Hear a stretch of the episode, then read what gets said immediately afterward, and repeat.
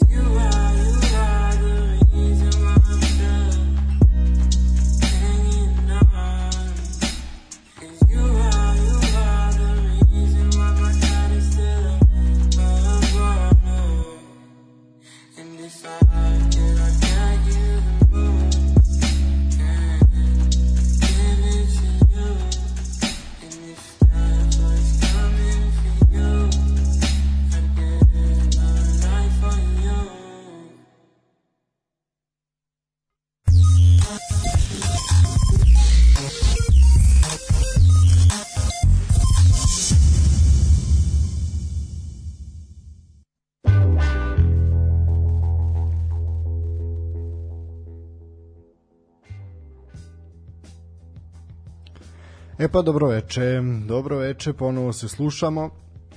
Ovo, sportski pozdrav je ponovo sa vama. Opet ovaj, je spala knjiga na jedno slovo. Uh, ozbiljni su pritisci, ali nećemo se tako lako predati. Ovaj put sam o, samo ja u studiju. Svetozar je već odavno ovaj na aparatima i bori se protiv krvavog kapitalizma koji ga gazi svojom nemilosrdnom čizmom, a Stefan je misteriozno nestao. Nadam se da je negde po plažama našeg lepog primorja, a nadam se, nadam se da je tamo, e sad vidjet ćemo, saznaćemo, možda se naš lutajući, lutajući fotoreporter pojavi. Uh, ništa, družit ćemo se večeras, nećemo mnogo dužiti, uh, pratit ćemo dešavanja na terenu jedinom trenutno aktualnom u Superligi. Završava se ovo treće kolo. Uh, istinu za volju nepotpuno, pošto će pošto će svoj uh, naknad, jel, svoj meč naknadno odigrati Mladost i Vojvodina koja je to zbog uh, obaveza u Evropi je dobila slobodan vikend od superligaških obaveza. No ja ću se sada pozabaviti ono što je Stefanu Stefanu promaklo prošli put i ono što je ostao dužan da podeli sa vama. Pa, dragi moji, dragi moji, idemo redom. Znači, ako prvo ostaje dužan za jel, ono što se igralo u tom momentu dok je on vodio emisiju, sami junački je to izdržao, moramo odati ovaj, o poštovanju zaista i odati tu čast. Uh, ovako, Kolubara Radnik bio je jedan zaista zanimljiv duel u ponedeljak, jel, prošli ponedeljak veče. Uh, i Kolubara je bila jako blizu te prve istorijske pobede u Superligi, ovaj, to pred svojim navijačima, ali eto, malo, malo je falilo. Doista je golman Kolubare bio na velikim, velikim iskušenjima, ali eto, na, izdržao je do 73. minuta i nažalost eto, nije uspeo da da ovaj zadrži zadrži ta, svoju mrežu nedirnutu i da Kolubara zaista proslavi tu istorijsku pobedu. Uh, od 53. minuta radnik i Surdulica imaju igrača manje na terenu posle isključenja Oreščanina. Kolubara je pojela već posle 3 minuta igre golo Marka Vučetića koji je onako s jednim sjajnim udarcem sa distance sa Vladar Anđelovićem, onako zaista jedan pravi futbolski potez. Ovaj jako lepih golova je bilo ovaj ovo kolo. Uh, i ovo je prošli što se sada odigralo. Uh, u tom delu meča zaista je domaćin bio dominantniji i pravo je čudo kako nije duplirao vojstvo, to je zaista istina. Ovaj da se otišlo na 2:0 ili na više sve bi to ovaj bilo bilo drugačija pesma bi se pevala sada. Posle pomenutog isključenja jel se da duel ide u jednom pravcu. Međutim, Uh, radnik je pokušavao, bilo je nekoliko dobrih udaraca, ali je golman Kolubar onako sa osmehom branio I onda 20 minuta pre kraja radnik je dobio korner koji je zaista na odličan način izveo Viktor Lukić, a najbolje se u kaznenom prostoru momaka iz Lazarevca snašao Radmanovac i bod odlazi u Sordulicu. Radnik je drugi put ove sezone uh, remizirao, dok je Kolubara, ako ništa drugo, bar osvojila je to taj istorijski, istorijski bod. E sad, ono što je ostalo je jedna sporna situacija koja se zaista, moram priznati, nije videla u prenosu. Ja sam kraličkom oka pratio, pratio ovaj meč i ja ću sada preneti izjavu Dejana Đurđevića kog je onako bilo lepo gledati u odelu po out linije, onako videlo se da je zna, momcima iz iz Kolubare znači ovaj meč, ili ipak je to prvi, prvi meč na svom terenu u Superligi, jel, za koju su se toliko uh, grčevito i krvavo borili, da dođe u njihov grad. Uh, kaže, desila nam se nevjerovatna stvar, u momentu kad mi menjamo igrače, vršimo izmene, oni izvode korner i postižu go. Nama upravo u tom trenutku nedostaje taj igrač koji bi trebalo da pokriva njihovog strelca. Kaže, ne znam, neobjašnjivo je, sve to je dešavalo nam se i na pripremama. E sad, po meni da igrač koji je pratio Radmanovca jeste zakasnio ali je isto tako skočio. E sad zašto nije bolje odreagovao to je sad veliko pitanje no dobro mislim jasno je da je Đurđević bio i pod onako verovatno pod naletom emocija što nije ovaj, potpuno je za razumevanje ni uopšte za neku osudu, jer eto, bili su zaista blizu, blizu bodovima i ono svakako kako Lubara želi opstanak, to su bodovi na, na domaćem terenu moraju biti pod obavezno. E, to je znači kraj drugog kola Superlige, a onda su se desile neke, neke ovaj lepe vesti, neke lepe, neke malo manje lepe. Pa ovako, idemo na prvu lepu vest, a to je sa Čikadače, znači iz Kragujevca. Eto, posle dve, prve dve vezane pobjede u prva dva kola, jel?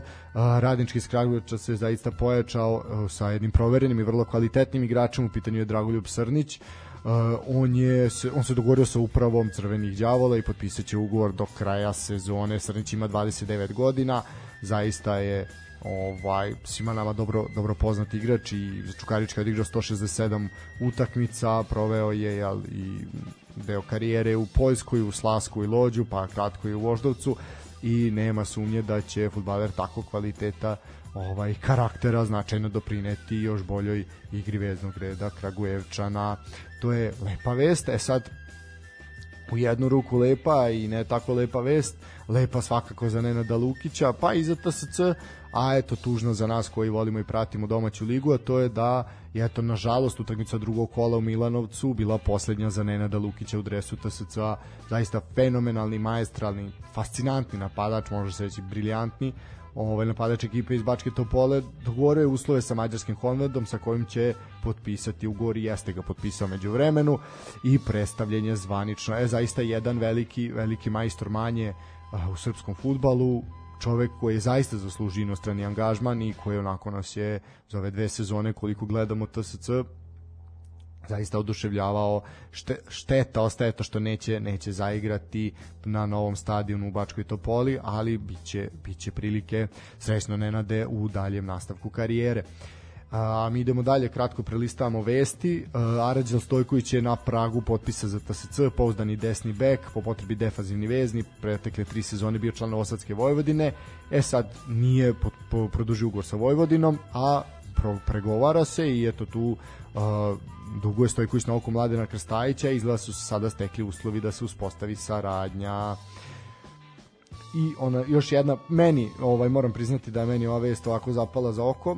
E, idem opet sam napred neku gradaciju idemo od ove od tužnijih ka najtužnijoj. E, a to je da još jednom akteru utakmicu Milanovcu između TSC i Metalca e, je bila poslednja ovaj utakmica u srpskom fudbalu i kako saznajemo Eduard Prestiž momak iz Konga zaista brzonogi, brzonogi momak odlazi iz metalca i karijeru nastavlja u Saudijskoj Arabiji. Eto, neko ko je trebao da bude idarna, udarna igla ove godine u metalcu, će karijeru nastaviti na Bliskom istoku. Vidjet ćemo kako će to izgledati ko će zameniti prestiža. Znamo da se igra metalca onako zasnovala na toj osnovi krajišnik prestiž. Ali eto, stajemo da vidimo kako će Žarko Lazetić kombinovati kombinovati ekipu za dalji tok prvenstva. Uh, i po meni najčudnija vest za kraj ovog bloka vesti a to je čovek koji je došao ovog leta kao jedno najvećih pojačanja novosadskog proletera, ma sigurno i najveće u prošlom kolu je postigao i povodak i ali eto kako saznaje novinari ovaj određenih portala Andrija Kaluđerović će napustiti Proleter. Iskusni golgetar dobio je primamljivu ponudu iz Uzbekistana iz ekipe koja se zove Nasaf tako da ga samo sitnece dele od potpisa. Kao što znamo nije bio u protokolu za kolo koje je bilo koje je bilo iza nas. Tako da eto. Uh, moram priznati da ovo Andrija, Andrino je po meni malo čak i čudno, ali dobro, svako, svako traži svoju sreću. Mislim da eto taj prelazak iz rada u TSC je bio eto više više da se ostane u Superligi, a onda eto kad je došla primamljiva ponuda, verovatno je ugovor, tačnije dogovor bio otvorenog karaktera sa obe strane, tako da je to ima odrešene ruke u nastavku i biranju, jel, nastavku karijere biranje, da, biranje dalje sredine. A opasna akcija je u Senti po desnom krilu po probijaju igrači TSC i postižu povoljak. 11. minut, 1-0 je za 1-0 je za TSC protiv Kolubare. Strelac pogodka, samo da vidimo ko je. Raduju se igrač sa brojem 6, a to je Saša Tomanović. Saša Tomanović je bio strelac pogotka, eto TSC vodi sa 1-0, kao što je neko sjajan beg po desnom krilu, čovjek vratio na pa na ivicu kaznenog prostora, Tomanović se lepo zaleteo i zaista pogodio, precizno pogodio malu mrežicu, zaista svaka, svaka čast, lep, lep pogodak lepo je vreme u Senti, sunčano je, nije jako vruće i ima dosta, dosta publike koja će eto uživati. Siguran sam u još jednoj dobroj predstavi njihovih ljubimaca. Dobro, ja sam se sad malo raspričao, sad mogli na jednu kratku muzičku pauzu, pa ćemo ići u to šta se dešavalo u Evropi protekle nedelje.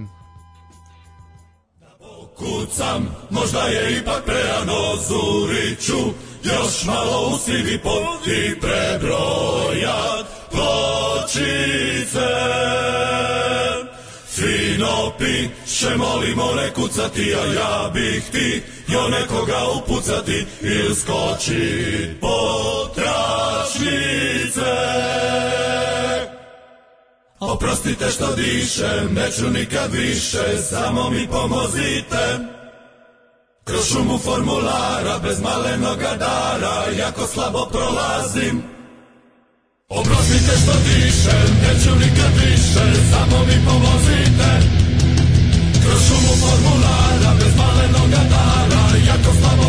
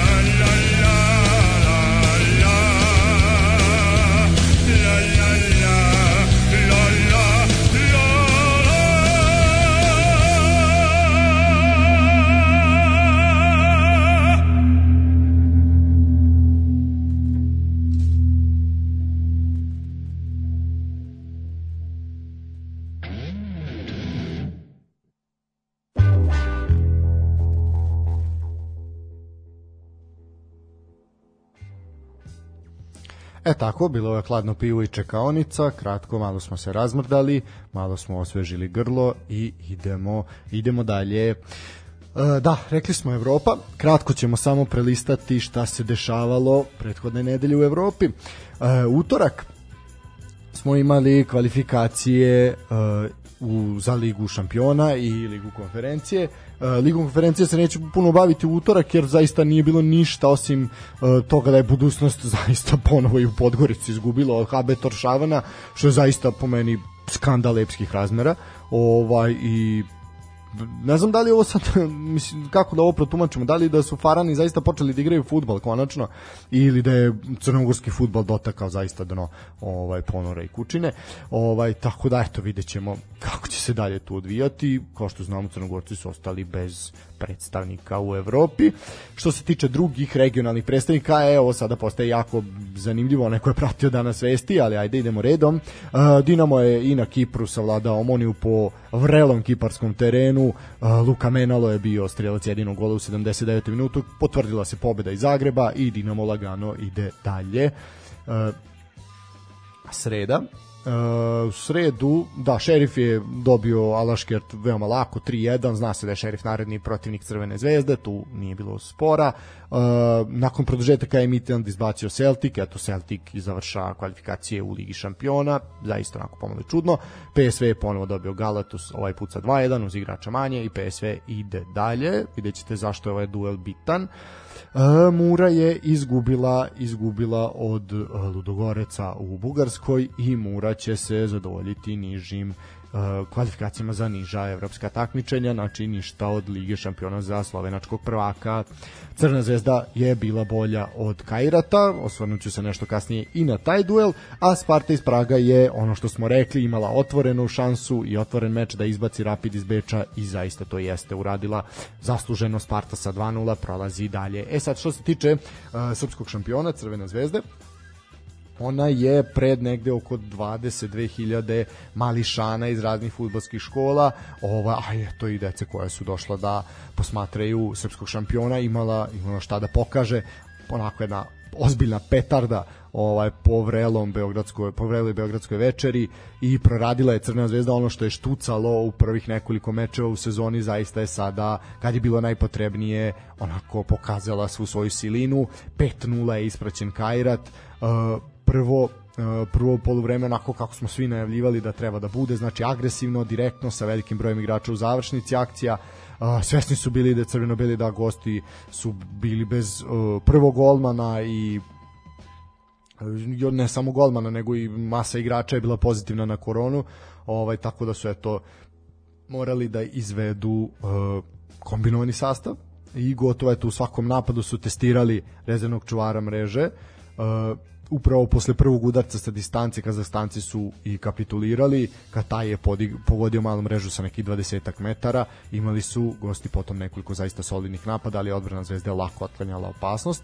Čekala se druga šansa a onda je došla kada je Dragović sjajnim klizećim startom zaista borbeni borbeni Dragović i vidi se da je to ono zbog čega je došao da prede to uh, solidno popunjenom Arakanom pokaže u Evropi šta, šta može. Sjajni klizic je startom zaista oduzeo loptu na sredini terena, a proigrao Dionija. Francuz je tu kao sa ivice kaznenog prostora opet prizemno i mreža se opet zatresla. U periodu kada je Kajrat izašao sa malo više igrača na polovinu Crvene zvezde usledilo je još jedan napad za na, uh, našeg šampiona. Ivanić izborio slobodan udarac a Kataj opet majstorski prevario golmana gostiju i tresla, tresla se mreža crno-žutih ponovo. Bilo je tada već 3-0 rezultat s kojim se otišlo na poluvreme. Uh, u drugom poluvremenu još dva gola. Uh, najpre Rodićeva presečena lopta i pravoremena asistencija Ivanića koji loptu šalje pod prečku. Zaista Mirko Ivanić nastavlja tamo gde je stao prošle sezone, a u listu strelaca se upisao i Falko lepim golom iskusa sa desne strane. Zaista zaista lep pogodak. Eto, do kraja meča je tempo igre opao, što je razumljivo, malo su spustili, spustili gas, ovaj momci našeg šampiona i Zvezda je rutinski odradila posao i zaista zaslužila ovacije skoro 22.000 mališana koliko ih je bilo na tribinama.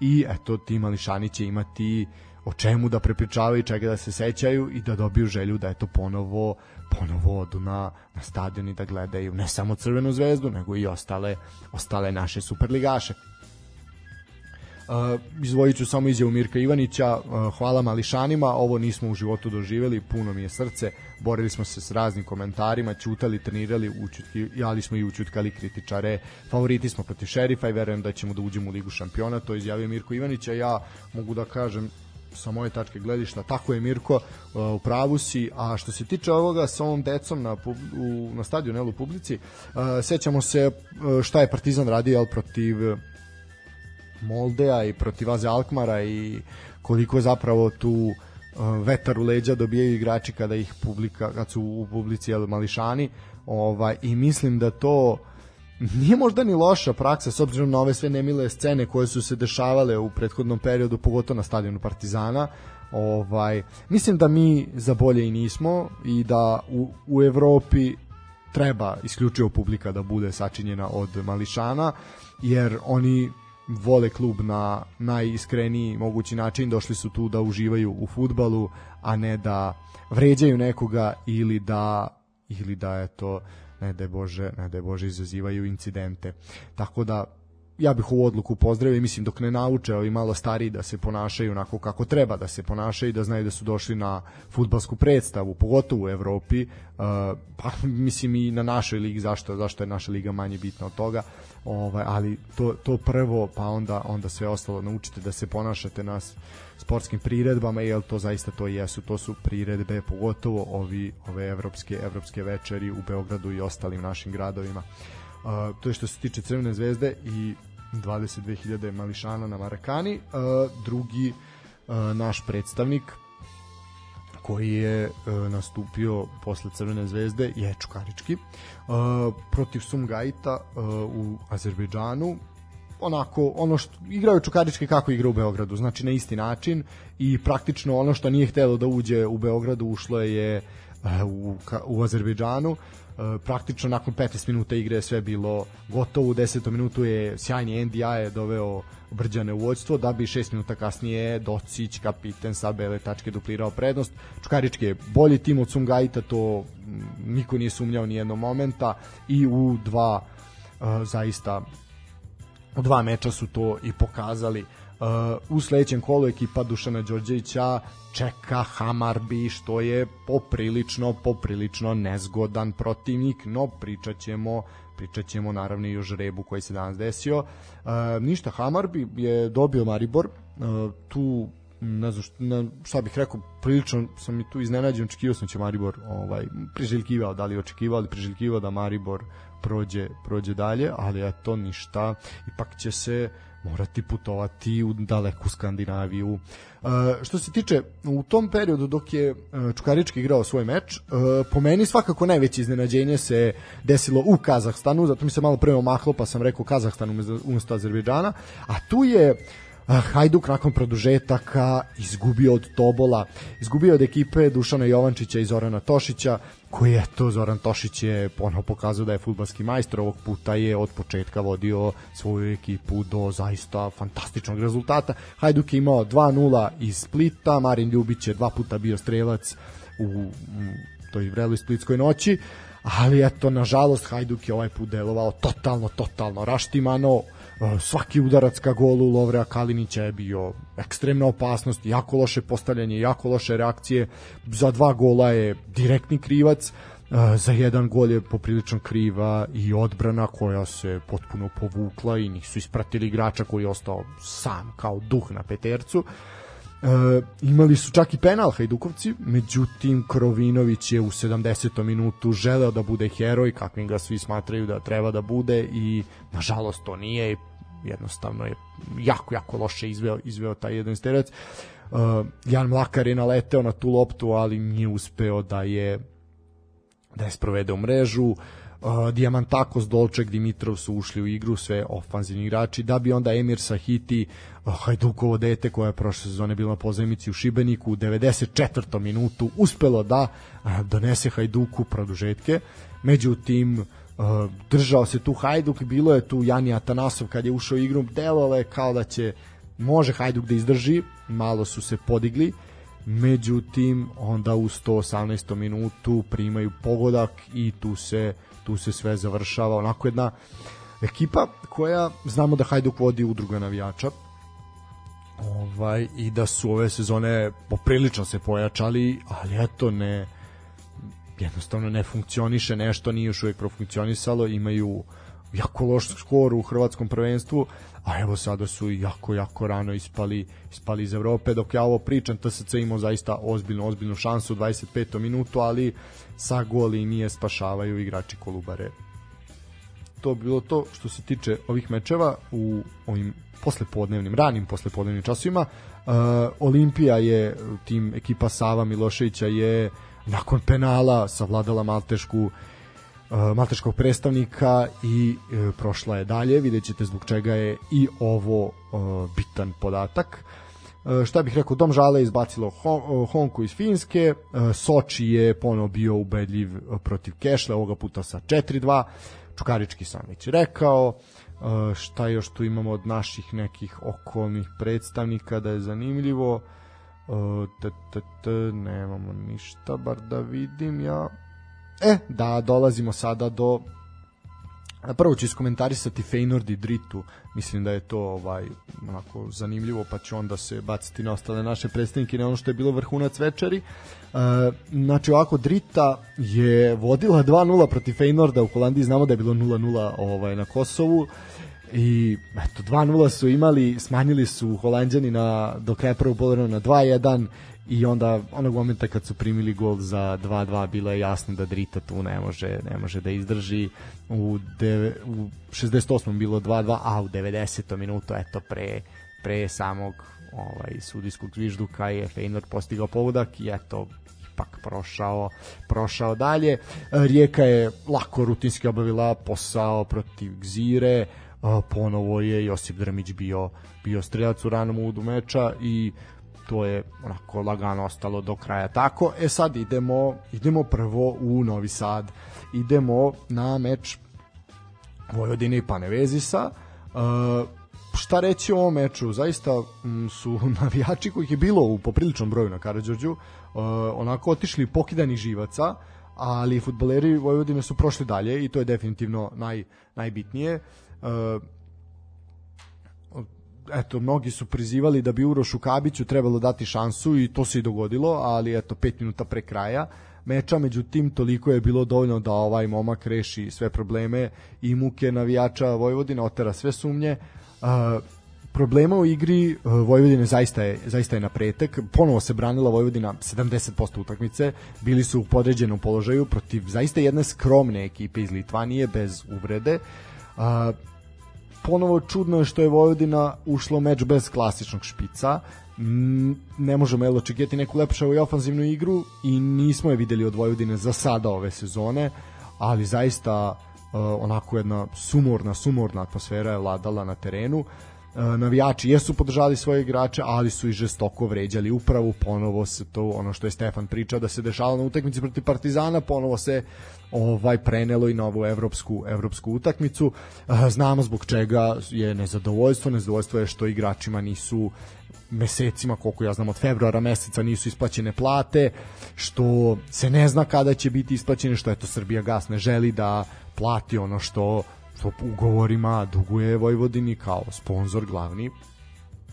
Onda ta vest da se neće igrati na Karadžođu, to je isto poprilično onako uzdrmalo sve, međutim eto ipak je ipak će meč protiv Laska biti igra na Karadžođu, znači dobila se, dobila se dozvola, jednostavno pod pritiskom javnosti su sredili to ljudi iz Vojvodine kako su znali i umeli. Uh, bilo kako bilo, uh, Voša zaista sa ovakvom igrom, a može se reći sa igračkim kadrom, zaista nema puno razloga za optimizam pred dvomeč sa Laskom. Uh, malo je vremena da se tu napravi neki veliki zaokret. Uh, može se reći da su Đorđeviću i svezane ruke i da baš nije u mogućnosti da bira i kombinuje.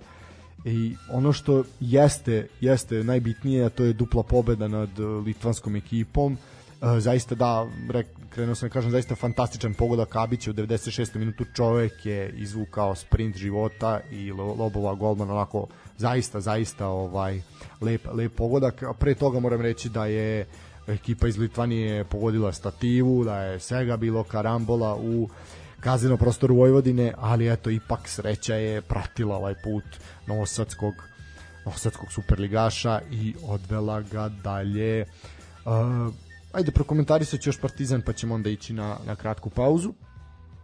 A, znači Dunajska streda i Partizan 2-0 je bilo. A, ona, ono što se dalo je pretpostaviti Partizan jeste jači, kvalitetniji i bolji bio u svakom segmentu igre od Dunajske strede i apsolutno i zasluženo je prošao dalje. Uh, ono što vrednija pomenuti, mislim to smo videli u Beogradu, ponovo, ponovo i u Slovačkoj kao i u Beogradu Partizan je promašio masu masu nekih šansi koje su morale, morale da se nađu mreže. Znači, u Beogradu je moralo da se završiti 3-0 za Partizan, a ovde i možda i više. Uh, prividno je možda taj neki pokazatelj da je to samo koliko statistika ume da prevari što je domaćin imao nešto veći posed. Uh, Partizan je zaista u svakom momentu znao šta i kako igra.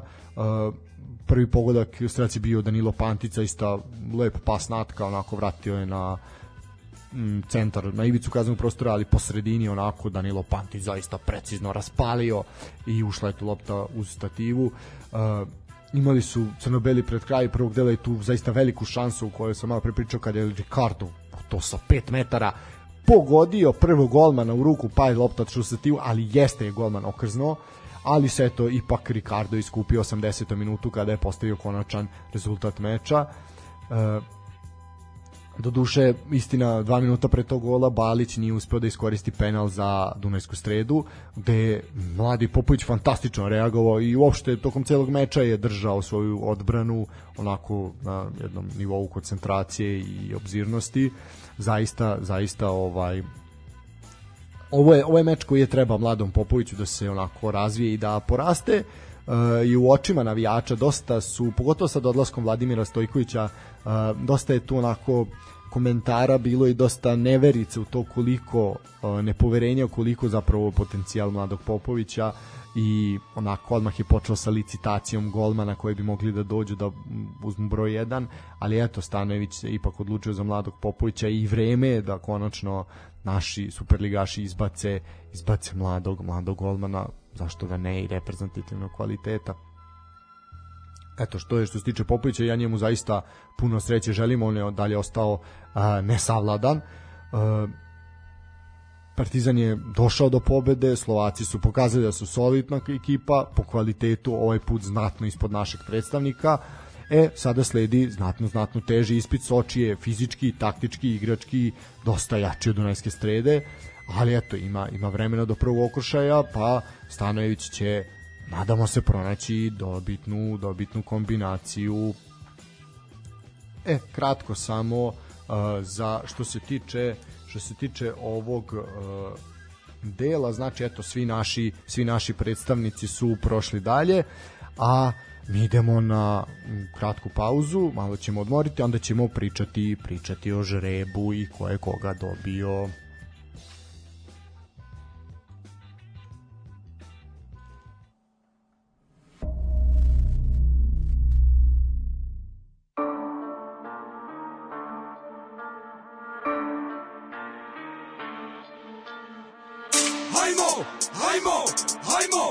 Simon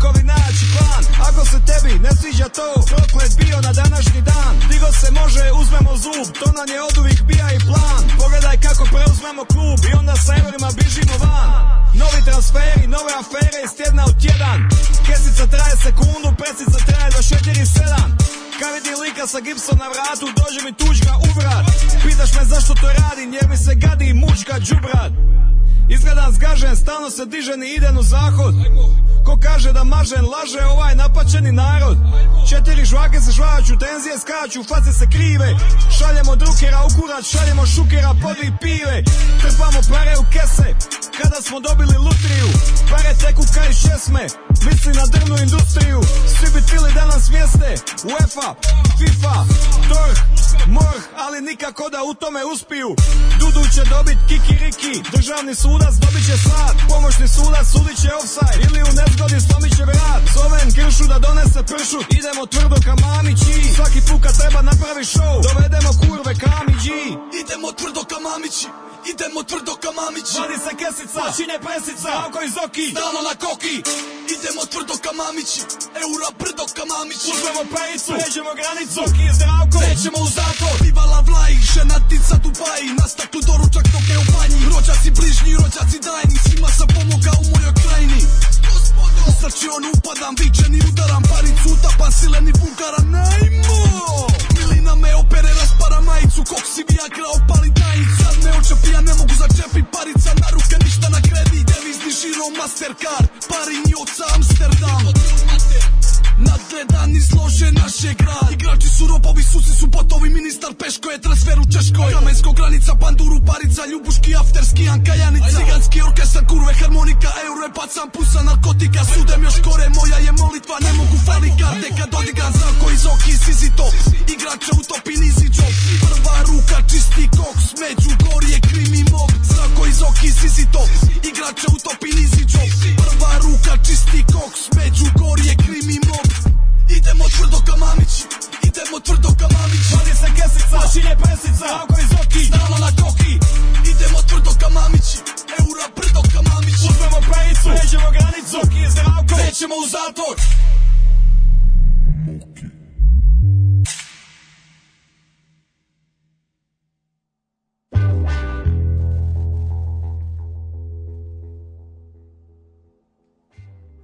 E, bili su ovo Vojkove i Grše, idemo tvrdo ka Mamići, a nije slučajno zašto sam ovu pesmu izabrao za ovaj naredni segment. Kratko samo pre nego što se bacim na glavnu temu ovog segmenta ću reći da je uh, Osijek savladao pogon uh, poljski pogon sa 1-0, a da je svakako vrhunac večeri bio u Atini gde je uh, nakon pobede u Mostaru na eto ovaj put nakon 11 teraca uh, Velež iz Mostara prošao dalje uh, savladao ekipu Vladana Milojevića i zaista ovaj prošao prošao dalje. Nakon 33 godine čekanja Velež je zabeležio zaista velik velik rezultat savladao takvog velikana kao što je Atinski Ajek.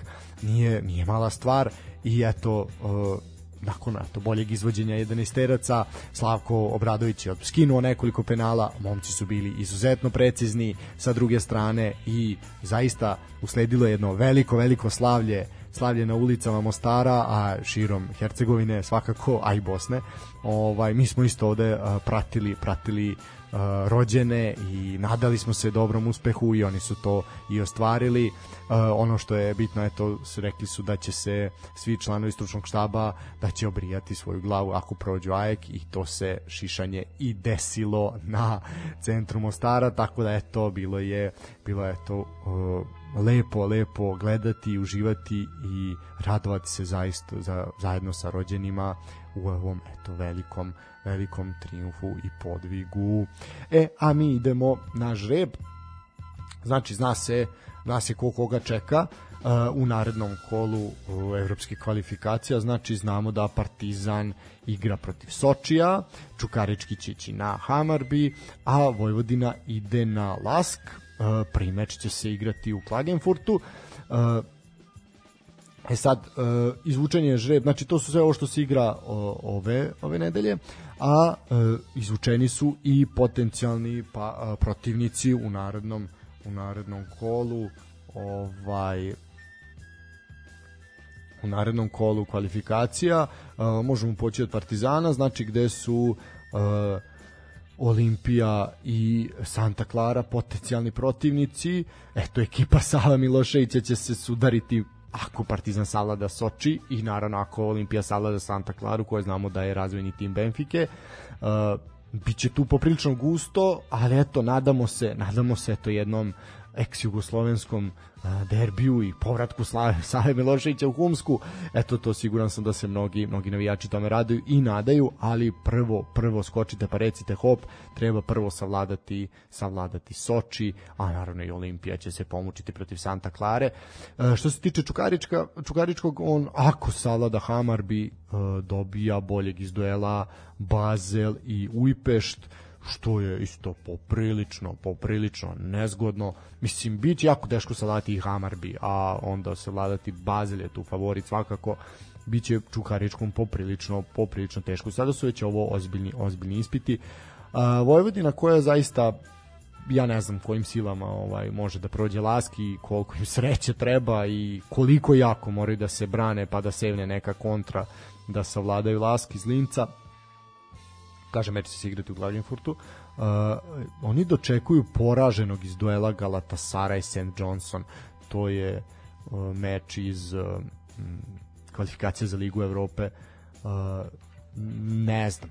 Ne, ne znam šta bih rekao, Vojvodina je prošla kao bos po trnju ovaj, i koprivam, ono, šta god možete bosi da zgazite, Lego kockica, ovo, ovo toliko boli, znači, boleće. Ali, u svakom slučaju, ajde prvo da vidimo da li se protiv Laska, Laska može nešto uraditi, pa ćemo videti šta, šta ćemo dalje i kako ćemo, a ono što je privuklo zaista najviše pažnje, uh, moram samo napomenuti, 2-0 je u Senti za ekipu TSC-a, uh, Stanojlović je bio strelac, tako su ovo sigurno već 3 boda, 40 minute u toku. E, ono što je zaista danas odjeknulo širom Balkana i širom prostora bivše, bivše zajedničke države, a to je da će še, e, Crna zvezda ukoliko savlada šerif, a Dinamo ukoliko savlada Legiju iz Varšave, ukrstiti koplja prvi put nakon raspada raspada zajedničke države.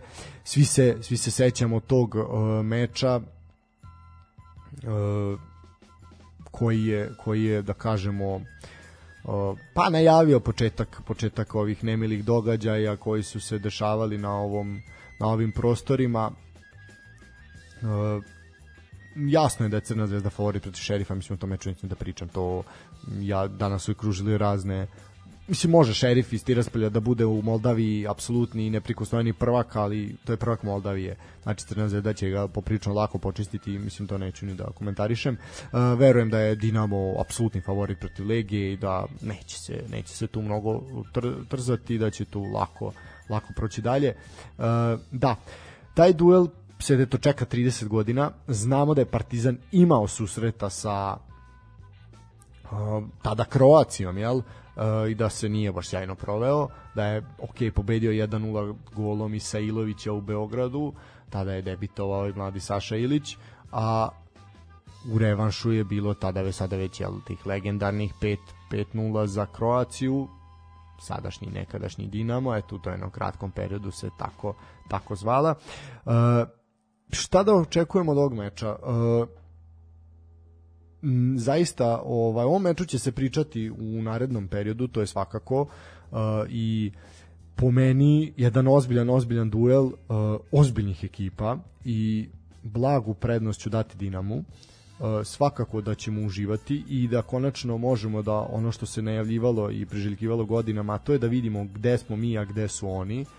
Uh, gde se nalazimo, večite te priče o regionalnoj ligi, da vidimo da li možemo da se nosimo sa hrvatskim šampionom. E, ja mislim da će biti jako teško, da je Dinamo izuzetno ozbiljna ekipa, ima mnogo dužu klupu od Crvene zvezde, da zaista Dinamo ima po tri fantastična igrača na skoro svakoj poziciji i sad naravno prelazni rok je još uvek u toku i tu se će proći al dve tri nedelje dok se ne odigraju ti revanš mečevi, pa prvi meč i tako dalje i tako dalje, znači može tu doći do promena rosterama, da sumnjam da će se to desiti.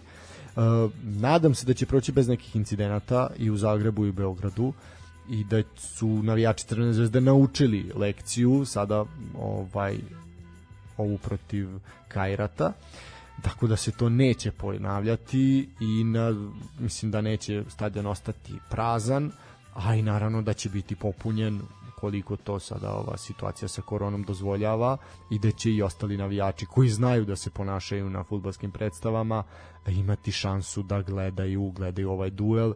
Zaista klasik jugoslovenskog futbala, duel koji je milion puta odlučivao o trofejima, duel koji je kao što rekao simbol simbol čiji, čiji duel je simbol raspada i početka raspada jedne države uh, ja eto dueli koji je to ekranizovan u filmu ZG80 gde se priča o meču pre tog legendarnog na Maksimiru eto, šta da kažem, radujemo se ome, meni je zaista drago, ja bih voleo i da Partizan izvuče Olimpiju na kraju, znači da dođu do Olimpije, naravno da želimo našim timovima da prođu što dalje u Evropi, ali eto raduju, raduju ovi bivši jugoslovenski susreti iz više, više razloga, jedan jedan je taj kao što sam rekao da vidimo gde smo u odnosu na ostale uh, bratske narode, a drugi je da pokažemo konačno Evropi, a i ne samo Evropi, nego i nama da mi možemo, da smo civilizovani ljudi, da Balkan nije što je nekad bio,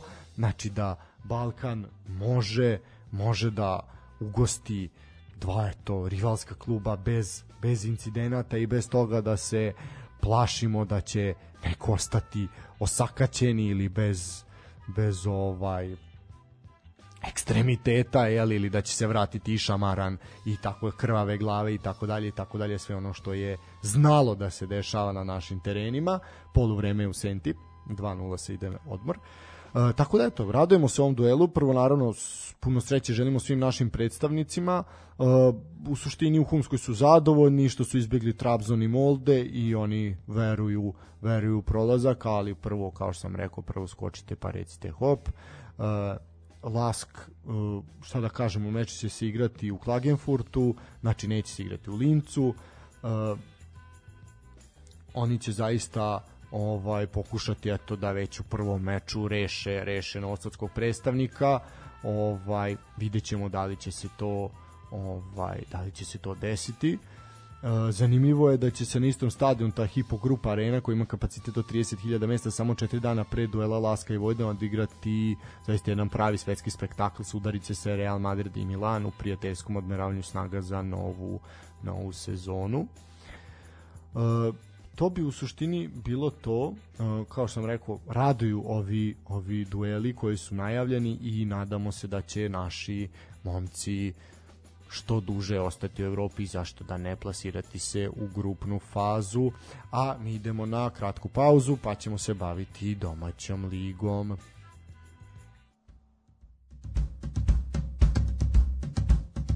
What will we do with the drunken sailor? What will we do with the drunken sailor? What will we do with the drunken sailor early in the morning? Way hey, up she rises, way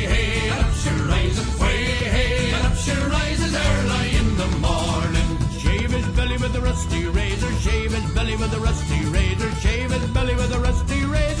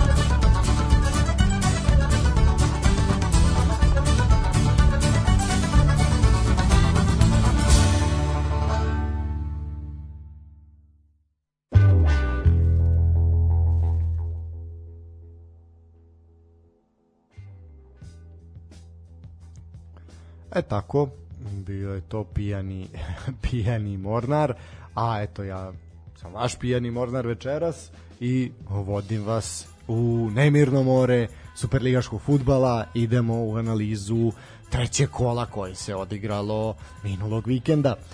Sve je počelo u petak u Novom Sadu gde je Proleter ugostio Novi Pazar i može se reći pa veoma zanimljiva premijerna utakmica treće kola okončana je podelom bodova.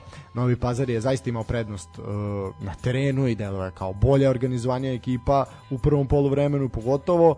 Imali su 47 minutu 2-0, Agan Spahić je pogodio uh, u 15. minutu Dimić u 47. Uh, obeleži ovaj meč, znači pored golova su po jedan dosuđen penal sa obe strane, od kojih Viktor Žinovinović nije iskoristio svoj rezultat 0-1, Uh, kao i nestvaran promašaj Bašanovića koji, mislim ja ću to podeliti na našem Twitteru mislim da već možda i jesam gde je čovek sa pa ne znam, 20 santimetara od gol linije grudima uspeo da prebaci čitav gol što je zaista onako neverovatno. Ovaj ovaj promašaj se graniči sa zakonima fizike i čak i onim što je Sašević promašio protiv Real Madrida zaista svaka čast. Ne ne šta bih rekao.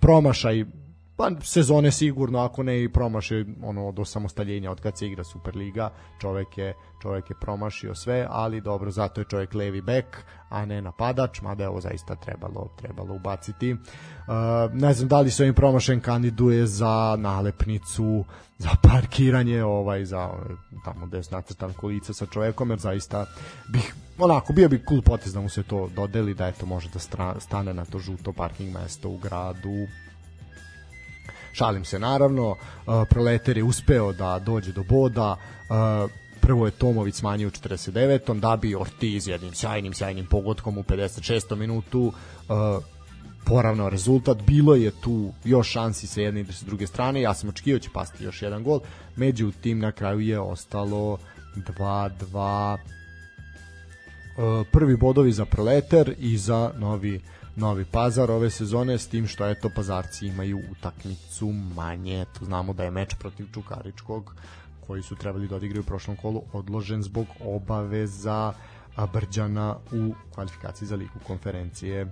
E, naredni meč, meč koji pa nije bio nešto preterano, preterano zanimljiv, to je duel napretka u Kruševcu protiv Radničkog iz Kragujevca. Napredak je slavio protiv rivala iz Kragujevca zahvaljujući autogolu Momčila Raša u 62. minutu. Crnogorski defazivac neće dobro pamtiti ovaj meč jer je samo 2 minuta po ulasku sa klupe u igru postigao, postigao auto, po, autogol. Pogod koji je prethodio jedan sjajan proboj po desnoj strani gde je čovjek centrirao onako snažno u peterac i lopta se od Raša odbila u gol, jednostavno nije možda ni mogao bolje da odreaguje. E, da stvari ne idu dobro po radničkom meču potvrdilo se i kada je Stefan Filipo, Filipović pardon, dobio crveni karton. E, eto samo 7 minuta nakon primljenog gola. E, gledao se VAR u ovoj situaciji zaista se vraćao, vraćao snimak. Na kraju i sudija gledao u one kućici pored pored terena i potvrdio je crveni karton Filipoviću. Tako da je to radnički posle dva uvodna triumfa uh, os, dobro doživaju prvi poraz u Superligi i to je za ljude i eto malo su se otreznili i malo će sada verovatno stegnuti svoje redove i nastaviti čvrsto kako su i krenuli. Uh, napredak sa druge strane ostvario drugu pobedu na svom terenu i izjednačio se na tabeli sa radničkim iz Kragujevca eto sa svojim večerašnjim rivalom. To je bio to je bio petak. moram priznati da je izuzetno ovaj ova arena sa ovim terminima jako jako remeti remeti sve i poprilično će biti problem kako će oni to sad sve ukombinovati jer im sad počinju sve žive lige ove malo skuplje tako kažemo. Ovaj mada bi njima najbitnija trebala da bude naša liga.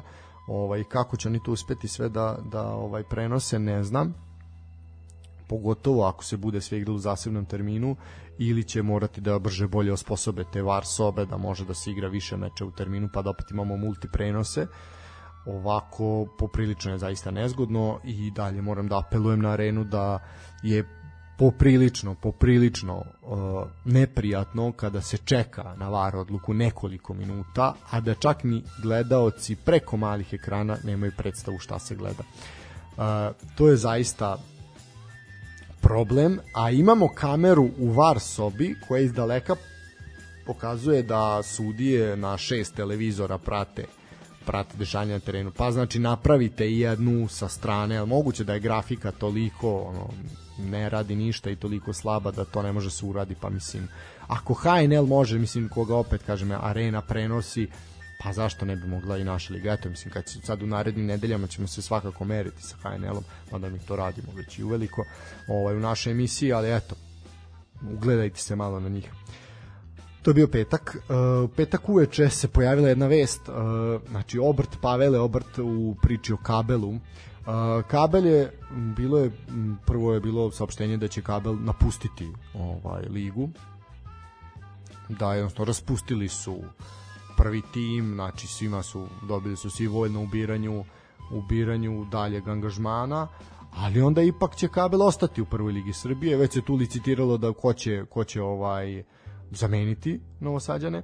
Međutim, e, iz Novosadskog kluba sa Štranda saopštavaju da bez obzira što su ostali bez većine igračkog kadra iz prošle sezone neće odustati od igranja prve lige Srbije, a ekipu će uglavnom činiti omladinci kluba i pozemljeni futbaleri iz Vojvodine. Tako će crveno-crni e, pregovarati sa nekoliko igrača iz prošle, prošle sezone koji još uvijek nisu zvanično napustili klub. Videli smo da ih je dosta otišlo u druge prvoligaške klubove, najviše u IMT koliko sam ispratio. Ovim je stavljena tačka na mnoge spekulacije koji su se kružile prethodnih mesec dana, a Kabel će definitivno od 7. augusta igrati u novoj sezoni prvoligaškog karavana. To je što se tiče te vesti stavlja se eto tačka na i, znači Kabel ostaje, ostaje prvoliga što su se neki nadali da bi možda mogli da upadnu, ali ipak Novi Sad ostaje sa još jednim predstavnikom. Uh, idemo na subotu, 31.7. i prvi meč od 18.55. Zaista spektakl u Subotici je viđen. Zvezda je pobedila Spartak sa 3-1. Po meni iznad prosječan futbal, igra jeste bila spora, bila je rastrzana, bilo je i grešaka, ali kad se podvuče, podvuče crta, zaista, zaista dobar, dobar meč. Dosta igrača je osetilo umor posle Kairata, možda su neki mislima bili već eto i na utakmici protiv Šerifa koja je na programu utorak. Međutim, eto, uh, bilo je dovoljno za trijumf protiv Plavi Golubova, koja to nisu senka onog Spartaka iz istog perioda prošle godine. Uh, večeras je Buač pružio šansu nekolicini tinejdžera koji svakako predstavljaju budućnost plavo-belih pokušavaju domaćin sporadičnim kontranapadima da ugrozi gol Crvene zvezde koji je večeras čuvao Miloš Gordić, ali su na, na trenu uglavnom pitali momci iz Beograda. Interesantno je da je kod drugi, treće gola gostiju bila provera VAR sistemom, da, i priznati su, priznati su golovi. Uh, Ivanić je u petom minutu bio strelac za 1-0, Pankov je nespretno reagovao u 15 minutu i poslao loptu u svoju mrežu za 1-1. Ben je u 38. Po, nakon sumnjive situacije, ali eto VAR je na prvu, prvu loptu sumnjive, ove, da li je bio offside ili ne, ali je VAR pokazao da Ben nije bio offside to je bio 38 minut, da bi onda tek u 91. nakon sjajnog prodora Kataja Krstović za postavio konačan rezultat 3-1 Ono što je obeležilo ovaj meč, a to je da je e, Shimura postao prvi Japanac sa 100 nastupa u Superligi, no Boru Shimura zaista je ispisao eto, nove stranice u istoriji Spartaka i srpskog futbala i verovatno će i nastaviti jedan dobar, dobar momak koji to nije se isticao nekim problemima i fino i vredno radi na terenu i zaista onako uvek, uvek izmami aplauze e, objektivne subotičke publike. Drugi meč u subotu je bio duel bratskih klubova, može se reći, južnjački derbi, uh, duel uh, klubova dvojice braća Tončev. Uh, južnjački derbi i ovaj put je završen bez pobednika. Uh, oba uh, gola postignuto su u ranoj fazi meča, ja sam očekivao pravu goleadu do kraja da budem iskren, međutim, eto kako sam ja prekinuo prekinuo sa gledanjem ovog meča, tako je očigledno stala igra na terenu. Radnik je poveo zaista prelepim golom Milovanović, onako jedan fantastičan lob udarac već u trećem minutu, da bi Škrbić doneo izjednačenje. Do kraja nije bilo golova uz napomenu da je Radnik imao i penal tokom drugog dela meča koji nije nije eto bio iskorišten eto radnik radnički niš u jednom bratskom duelu nije bilo bratubilački nego eto prijateljski ova braća se vole nažalost našu svih ostalih normalnih ljudi u ovoj Srbiji. 1-1, uh, idemo dalje. Čukarički metalac je meč kojim se otvorila uh, nedelja. Iskomentarisat ćemo i njega, pa ćemo ići na kratku pauzicu. Ovako, uh, nova pobeda Čukaričkog, ovoga puta nad metalcem. Videli smo dobar, dobar futbal i očekivali smo dominaciju uh, Čukaričkog, što se to i desilo uh, imali su veći posjed, inicijativu, više udaraca ka golu, više izvedenih kornera, shodno tome zaista je pobeda bila zaslužena. Metalac je doživio drugi poraz u tri odigrana kola i ostaje sa jednim osvojenim bodom. Žarko Lazetić insistira na igri bez klasičnog napadača, koga je opet glumio Marko Šarić, dok je jedini po vokaciji centralni napadač Katanić meč presedeo na klupi. Uh, kao što sam spomenuo, ne treba zaboraviti da više nema prestiža, tako da od metalca očekujemo neko pojačanje u napadačkoj liniji ako misle da ponove uspeh iz prethodne sezone. E, Čukarički je dobio 7 od 10 međusobnih duela sa ekipom iz Gornjeg Milanovca, a za sada imaju 2 od 2 skor u Superligi. Što se tiče pogodaka, Jovanović u 45. minutu zaista fantastično nadskočio onako za metar iznad svog čuvara isprave loptu u mrežu nakon kornera. Savić je u 53.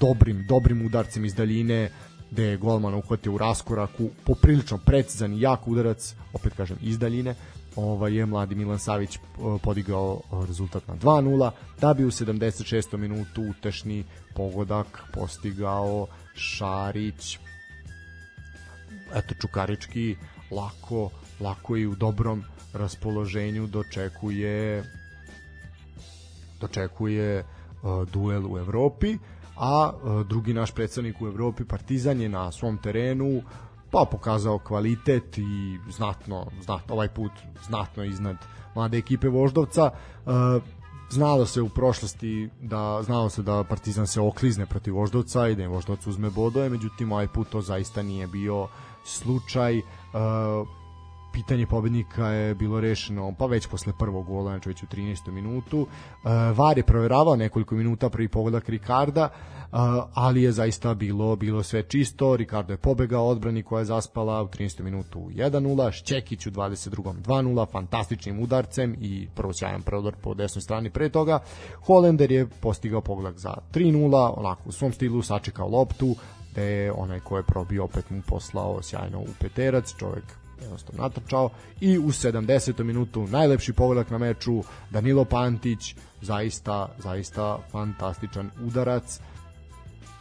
Eto Partizan koji je eto na startu ove sezone igra zaista veoma dobro i beleži pobedu za pobedom mnogi su se plašili da bi moglo da im se desi ono što im se desilo prethodne godine kad su igrali protiv Astane.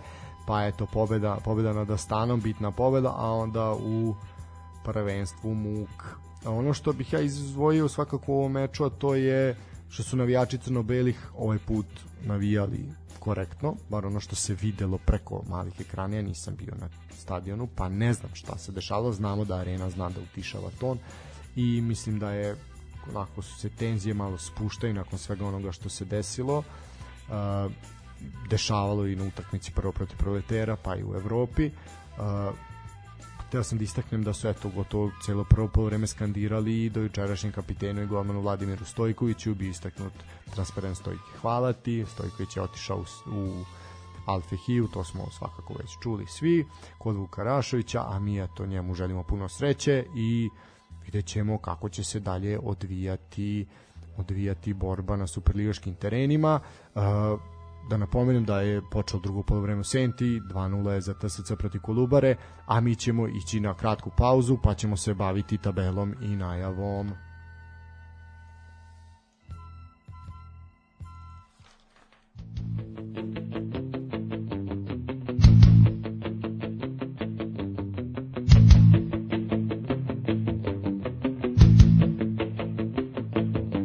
Život nije fair, znam nije vam lako баш ваша кучер да налети на такво.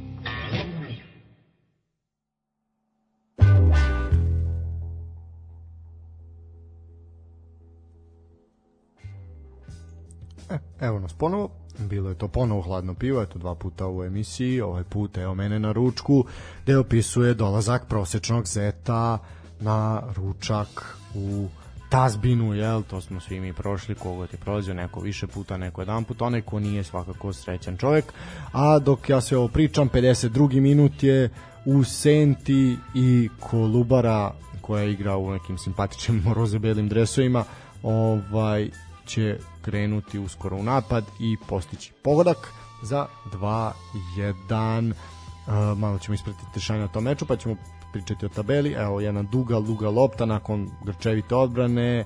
Uh, lopta je otišla u sredinu na desno krilo, brza dijagonala u kazneni prostor i čovek je istrčao i sjajno, sjajno, fantastično pogodio uh, u 53. minutu, to je kapiten, kapiten Kolubare, zaista je to jedan lep, lep pogodak. Uh, Dejan Đurđić to ima čemu možda da se nada i da je to možda malo ekipa stisne stisne gas i da pokuša da dođe do zaista iznenađujućeg boda. Dejan Đenić je strelac u 53. minutu, kapiten Kolubare.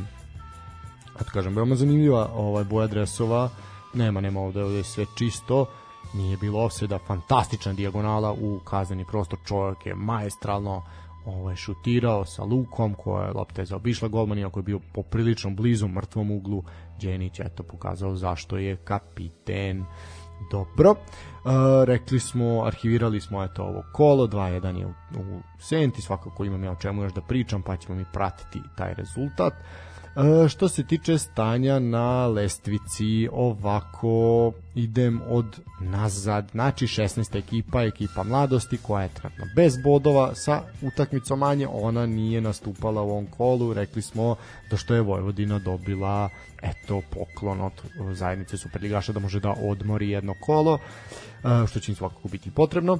Proleter je 15. sa jednim bodom, Kolubara u ovom trenutku 14. sa jednim bodom, Metalac 13. sa jednim bodom, Spartak 12. i Vojvodina 11 sa jednim bodom, Novi Pazar 10. sa jednim bodom, to je znači, eto, šest ekipa ima po jedan bod, sad ovi koji su skupili malo više, znači deveti je Voždovac sa 3, osmi radnik sa 3, radnički Niš ima 5, i uz dva remija jednu pobedu, uh, radnički iz Kragujevca odmah do njih sa šest bodova, dve pobede i poraz, Čukarički ima samo dve utakmice maksimalan učinak za sada šest bodova, oni imaju odloženu utakmicu protiv Novog Pazara da nadoknade, napredak ima šest bodova, isto dve pobede i poraz, Crvena zvezda ima sedam bodova, ima dve pobede i jedan nerešen rezultat, onaj u prvom kolu protiv Vojvodine, to polaza sada maksimalna sa 3 od 3 ako ostane naravno ovaj rezultat iz ovog meča koji se trenutno trenutno igra, ja verujem da hoće. Tu se sada proverao da li je bio offside, da li nije, zaista je čista, čista situacija. Uh, Partizan je ipak poništen gol. Ipak poništen gol. Čekam odluku Vara, mada ovo je delovala kao jedna čista situacija, bio je igrač štoper TSC bar po uglu kamere kako arena snima, a evo je sad taj problem. Ovo je taj problem kome pričamo. Znači, ne može ovako, mora se pokazati ponovljen snimak, makar ljudima koji to gledaju na televiziji, ali ne, jednostavno nema, nije to dovoljno ovaj, pokriveno kamerama da bi se moglo da vidimo, evo ga, sudija ipak, ipak označa offside, ipak označa offside, znači eto, Đenić briše mu set ovaj lep pogodak, kažem, meni je zaista, eto i na ponovljenom snimku delovalo da je to jedna čista situacija, ali eto, onaj ko izlači linije u VAR sobi ovaj put je povukao takvu liniju da je poništen pogodak. No dobro, Partizan je dalje na prvom mestu bez primljenog gola, 10-0 gol razlika, 3 od 3 imaju momci u crno-belim dresovima. Što se tiče narednog kola, Uh, naravno pored ovih evropskih obaveza kojih ćemo takođe pretrčati preko njih uh, nemamo još uvek nemamo još uvek podatke o odigravanju mečeva i to ono što mene poprilično poprilično nervira ovde nema samo da proverim da li postoje na Da, e da, ima. Ipak su izašli. Znači, ipak su izašli, eto već sam krenuo da ih kudim, a oni su ipak ipak izbacili. Znači ovako, u petak 6.8. imamo e, dva duela. Ovaj put će e, kolo otvoriti, znači četvrto kolo, otvoriti radnički u Kragujevcu protiv radnika iz Surdulice, dok će Crvena zvezda na teren e, u petak od 20 časova protiv napretka iz Kruševca na stadionu Rajko Mitić. Što se tiče ova dva duela, e, radnički i radnika, očekujem zanimljiv duel, pogotovo u Kragujevcu. E, mislim da će radnički uspeti da sačuva makar bod mislim da će doći do podele bodova. Ovde je Crvena zvezda napredak iz Kruševca, tu će Crvena zvezda lagano savladati napredak. Mladost iz Lučana protiv Spartaka i Subotice. E sad Mladost imala jedno kolo pauze, Spartak se mučio protiv Crvene zvezde. Biće poprilično zanimljivo, ali verujem da će Mladost uspeti da uzme, tačnije da sačuva bodove u Lučanima. Uh, to je utakmica koja se igra u subotu od uh, 18.55 u subotu od 20 časova e, očekuje nas duel e, u Gornjem Milanovcu između Metalca i Proletera. E, pa ovde očekujemo da dosta golova, ja očekujem goleadu i očekujem pobedu Metalca konačno. E, u nedelju u, u 18.55 na Karadžođu Vojvodina dočekuje Voždovac. Znači ovo je za sada ukoliko ne bude nekih odloženih odloženih susreta, mada ne bi trebalo. Za sada stoji da će se svi mečevi igrati.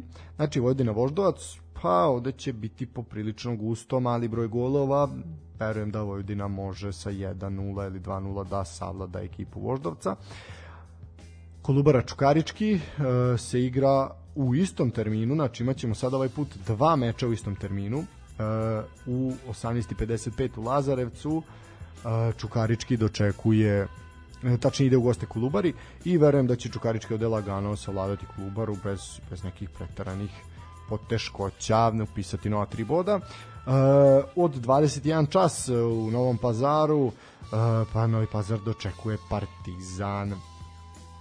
E pa ovde će biti gusto, pogotovo ako se uzme obzir da Partizan ima težak ispit u Rusiji, biće poprilično nezgodno. Vidjet ćemo da li će izabranici Aleksandra Stanojevića, eto Stanojević ovaj put rotirao protiv protiv Voždovca, zamenio je nekoliko igrača, da vidimo šta će, šta će i kakvu će ekipu ovaj izvesti izvesti u Novom Pazaru.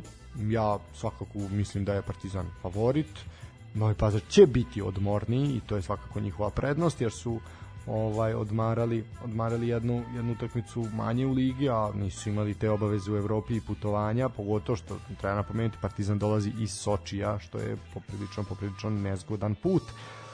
Uh, radnički iz Niša će u ponedljak od 19 časova na četu terminu naše emisije dočekati TSC iz Bačke Topole, tu će biti poprilično zanimljiv meč, vidjet ćemo da li Četa Mladena Krstajića može da odnese tri boda iz Niša, ja verujem da može. Što se tiče evropskih obaveza naših superligaša, ovako Crvena zvezda u utorak, već sutra je to 21 čas, dočekuje šerif iz Tiraspolja na Rajku Mitiću, prenos će naravno biti na Areni Sport, RTS ne znam da li će prenositi, vidjet ćemo.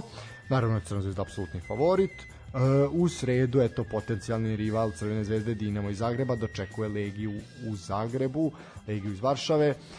Po uh, kladionicama svakako je favorit Dinamo iz Zagreba, taj meč ćete moći da pratite na areni. Uh, u četvrtak se nastavljaju kvalifikaciju Ligi Evrope ili i uh, konferencije. Uh, od 18 časova će Partizan igrati u protiv Sočija to je svakako zanimljiv duel od 18.45 svakako junaci iz prošlog kola Velež iz Mostara gostuje Elsborgu što je jedan od potencijalnih rivala Partizana bio i to će biti poprilično nezgodno za ekipu rođenih.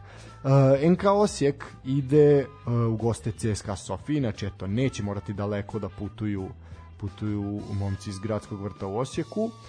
Vojvodina dočekuje Lasku u prvom meču u 19 časova na stadionu Karadžođe da bi u istom tom terminu Domžale gostovale Rosenborgu Mura od 20 časova dočekuje Žalgiris u kvalifikacijama za Ligu Evrope, znači ovo je bila konferencija. Uh, u 20.45 uh, Rijeka ide Hibernijanu na da, ide u Edimburg, a Čukarički od 21 čas dočekuje Hamar Bina Banovom brdu, zaista je to spektakl za kraj dana, a od 21.30 je to potencijalni uh, potencijalni rivali Partizana u narednom kolu, Santa Clara i Olimpija iz Ljubljane odmeravaju snage u Portugalu. Eto, to je to što nas čeka, čeka u narednom narednom periodu, u narednoj nedelji, a mi ćemo ići malo da odmorimo, pa ćemo pričati onome, ali ipak nećemo ići da odmorimo, jer je gol u Topoli, tačnije u Senti. Topola vodi sa 3-0, da vidimo samo, ispratit ćemo pogodak, pa ćemo onda otići na muzičku pauzu, da vidimo šta se, šta se tu desilo. A, pogodku je prethodio žuti karton Bakiću, 62. minuta, vidimo zbog čega je Bakić dobio žuti karton. Od Pa da, zbog igranja rukom jeste postavio ruke u nepriladan položaj Vasilije Bakić, mladi, mladi Vasilije Bakić 2000. godišta je penal za uh, ekipu Bačke Topole i koju lagano realizuje igrač sa brojem 10. To je zaista eto bilo vrlo vrlo lako.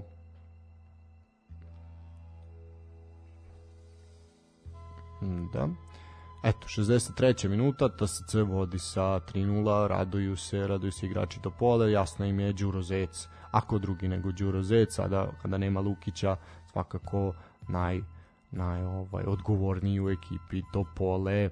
Uh, eto, lagano, lagano Topola privodi posao kraju, a mi ćemo privesti ovaj futbalski blok kraju sa jednom pesmom, pa onda idemo na najbrži, najbrži cirkus.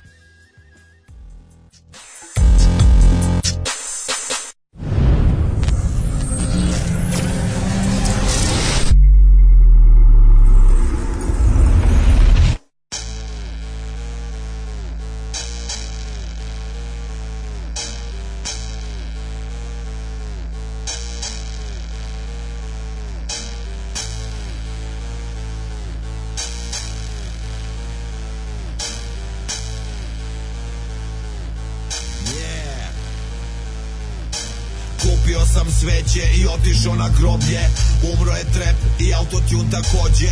Dođite na saranu gde neće biti tužno. Doći će svi reperi i rakiju sam uzo Autotune kremiramo za svaki slučaj. Urnu u sefu bacamo u vulkan. Neće biti popa, a ni opela Koliko je to govno, puna je kapela. Naopako postavljamo krsta grobno mesto I umesto zemlje polivamo beton. Preko venac cveća u obliku kurca. Na pola koplja zastava se spušta. Onda se ispišamo da dobro upije Da sam nije umro, moro bi ga ubijem I ko bude pokušao da ga iskopa Majka mu na dopu crncu pušilo bez oka. Umro je Previše brate moji slušali ste retarden Umro je trep ime mekanen Sahrana je bila kakva nigde nema je. Umro je trep Promešanje Pitaju se ljudi kako brzo nestane. Umro je trep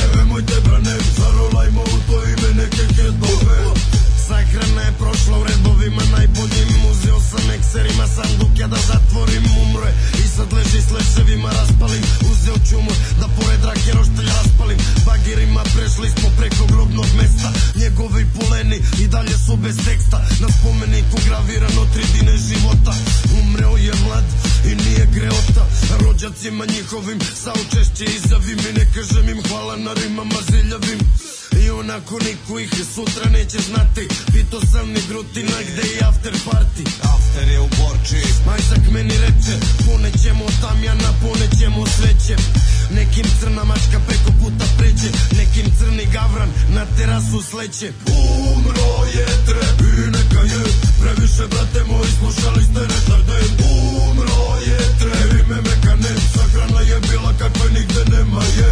Umro je trep komešanje Pitaju se ljudi kako brzo nestane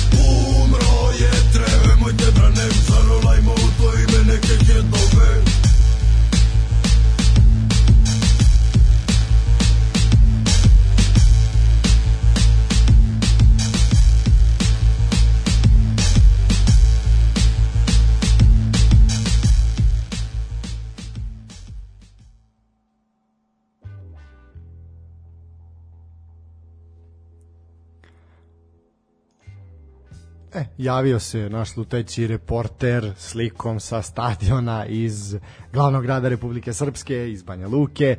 Eto, Stefan uživa na kratkom odmoru, a dok neko se zajebava i uživa, neko će da radi. A mi ćemo sad pričati malo o olimpijadi. On je tu priču započeo. Ja ću sad kratko nastaviti i samo ću izlistati ove rezultate što su se danas desili. Zaista ono toliko naših predstavnika i prethodnih dana moram priznati da nam baš nije išlo ovaj najbolje, ali ovako eto, ovaj današnji rezultati su eto vratili smo se na neki da kažemo pobednički niz posle dva katastrofalna dana gde su svi živi naši izgubili. Uh, bronzanu medalju osvojio Milenko Sebić, to je malokalibarska puška na 50 metara trostav. Uh, on je ovu medalju posvetio uh, našoj evropskoj prvakinji u streljaštvu, njegovoj bliskoj prijateljici, Bovani Momčilović Veličković, koja je to pre godinu dana preminula u 30. godini života nakon komplikacija uh, usled ja, nakon porođaja. Uh, to je poprilično eto, jedna tužna, tužna priča i mm, mi nismo to spominjali u emisiji, to se desilo pre nego što smo mi počeli da, da radimo, ali je svakako javnost onako bila bila utučena. Uh, Milutin Stefanović je zauzeo 23. mesto u kvalifikacijama za isto maligarskom puškom 50 metara trostav, a u kajaku smo imali tri uspešna rezultata. Milica Novaković je zauzela prvo treće mesto u kajaku na 200 metara u kvalifikacijama, zatim drugo mesto u kajaku na 200 metara u četvrtfinalu. Znači, borit će se u polufinalu. Bojan Zdelar je isto zauzeo drugo mesto u kajaku 1000 metara kvalifikacija, to direktan plasman u polufinale. Vaterpolisti su savladili Crnu Goru sa 14-6 u petom kolu, imaju sada skor od 3-2 i trenutno su na trećem mestu tabele. Odbojka ženska, Srbija i Južna Koreja 3-0 u petom kolu, skor je 4-1, trenutno smo na drugom mestu a, tabele, a Mihail Kadžaja je izgubio od Tracy Hancock a, Tracy Hancocka, pardon, ovaj 5-1 u osmini finala, to je kategorija do 97 kg. Uh, ono što nas očekuje sutra, a to je u 2.20 po našem vremenu, Marija Vučenović uh, učestvuje u polufinalu bacanja koplja, u 2.37 Milica Novaković je u polufinalu traži u kajaku na 200 metara, što sam malo pre spomenuo, traži plasman u finale, mi verujemo da bi tu moglo da se desi nešto. Bojan Zdelar, 1000 metara kajak polufinale, e, Ivana Španović u 3.50, skok u dalj finale, očekujemo šestu medalju, ono što smo se ja i Stefan opkladili, a to je da će biti preko pet, ja sam rekao da će biti pet i više medalja, on je rekao da će biti ispod pet, već sada smo na pet, ali ajde da ga pobedim, da to bude onako čisto, da mi ne kaže na granici smo. E, Mate Nemeš se bori protiv Franka Šteblera u rvanju, osmina finala do 67 kg, odmah nakon toga ako pređe eventualno četvrt finale za Nemeša i onda naturalizovani Srbin Zurab Datunašvili protiv Žana Belenijuka, rvanje isto osmina finala do 87 kg, odmah nakon toga eventualno četvrt finale ukoliko prođe dalje za Zurab. Znači u 4.30 će biti finale B ili finale A za Milicu Novaković 200 metara kajak u 5 i 12 minuta ili u 5 i 20 finale B ili finale A za Bojana Delara na 1000 metara kajak. U 12 i 15 Armin Sinančević baca kuglu kvalifikacije. U 13 i 40 Asmir Kolašinac baca kuglu takođe kvalifikacije. Sutra kreću i četvrtfinala u košarci, odbojci i rukometu kao i polufinale u futbalu. Što se tiče košarke, naše dame su dobile Kinu u četvrtfinalu i ukoliko savladaju uh, predstavnice najmnogoljudnije zemlje igraće protiv boljeg iz duela između Australije i Amerike, što je to poprilično težak raspored. S druge strane imamo Japan i Belgiju koji će dočekati boljeg iz duela Španije i Francuske pa moram priznati da poprilično težak, težak, težak raspored. E sad, dve vesti su se pojavile dok sam ja ovo sve pričao, a to je da će uh, Milan Lukač izgleda potpisati ugovor sa Partizanom, eto trećeg golmana. Svi se sećaju naravno Lukača iz one sezone kada je u večitom derbiju odbranio dva uzastopna penala Crnoj zvezdi i po tome onako je postao heroj u srcima navijača Partizana to je to vest koja je obeležila ovaj deo. Ono što sam zaboravio da napomenem, to su stigle, stigo je podsjetnik da u Crna zvezda u slučaju da ne prođe šerif, mi smo već to jel, ovaj, no, no, notirali kao da je gotovo, međutim nije. Dočekat će u kvalifikacijama za Ligu Evrope igraće protiv poraženog iz dvomeča Kluži Young Boys, ali dobro se o svemu to nećemo pričati o tome. Šta bih još zaista rekao da eto naši kajakaši mogu da nas obraduju sa medaljom i to ćemo ovaj onako nadamo se da tu može doći do te šeste medalje. E, odbojkašice su eto završile grupu u, sa skorom 4-1 i zauzeće drugo mesto. E, I nakon mečeva će se saznati rivali u četvrtfinalu, da li će to biti Amerika, Rusija, Italija ili Turska. U svemu svakom slučaju kreće ozbiljno, ozbiljno takmičenje dalje. E, borbe za medalje, dokažite da ste najbolji. Četvrtfinale muške košarke, Italija, Francuska Slovenija, Nemačka i evo 4-0 u Topoli. Ispratit ćemo i to. Slovenija, Nemačka, Španija, Amerika i Australija, Argentina. Ta Argentina prevođena već sada penzionerom s kolom koji dalje i dalje aktivno aktivno igra. A idemo slikom u Topolu i zvukom, vi zvukom, a ja slikom. A, TSC Kolubara 3-0 je još uvek ovde malo kasni stream, ali je to namerno tako namešteno da bih ja mogao da ispratim, da stignem sve. 73. minut, lopta u centar, sjajno to spušta glavom i kakav dupli pas to fantastičan pogodak kako je ovo bilo kakva futbolska minijatura fantastičan, fantastičan udarac. 4-0 u 73. minutu. Eto jedan dobar, dobar dupli pas. Ovaj tamo je ovo, da, pa više opušteno, opušteno to sada sada deluje.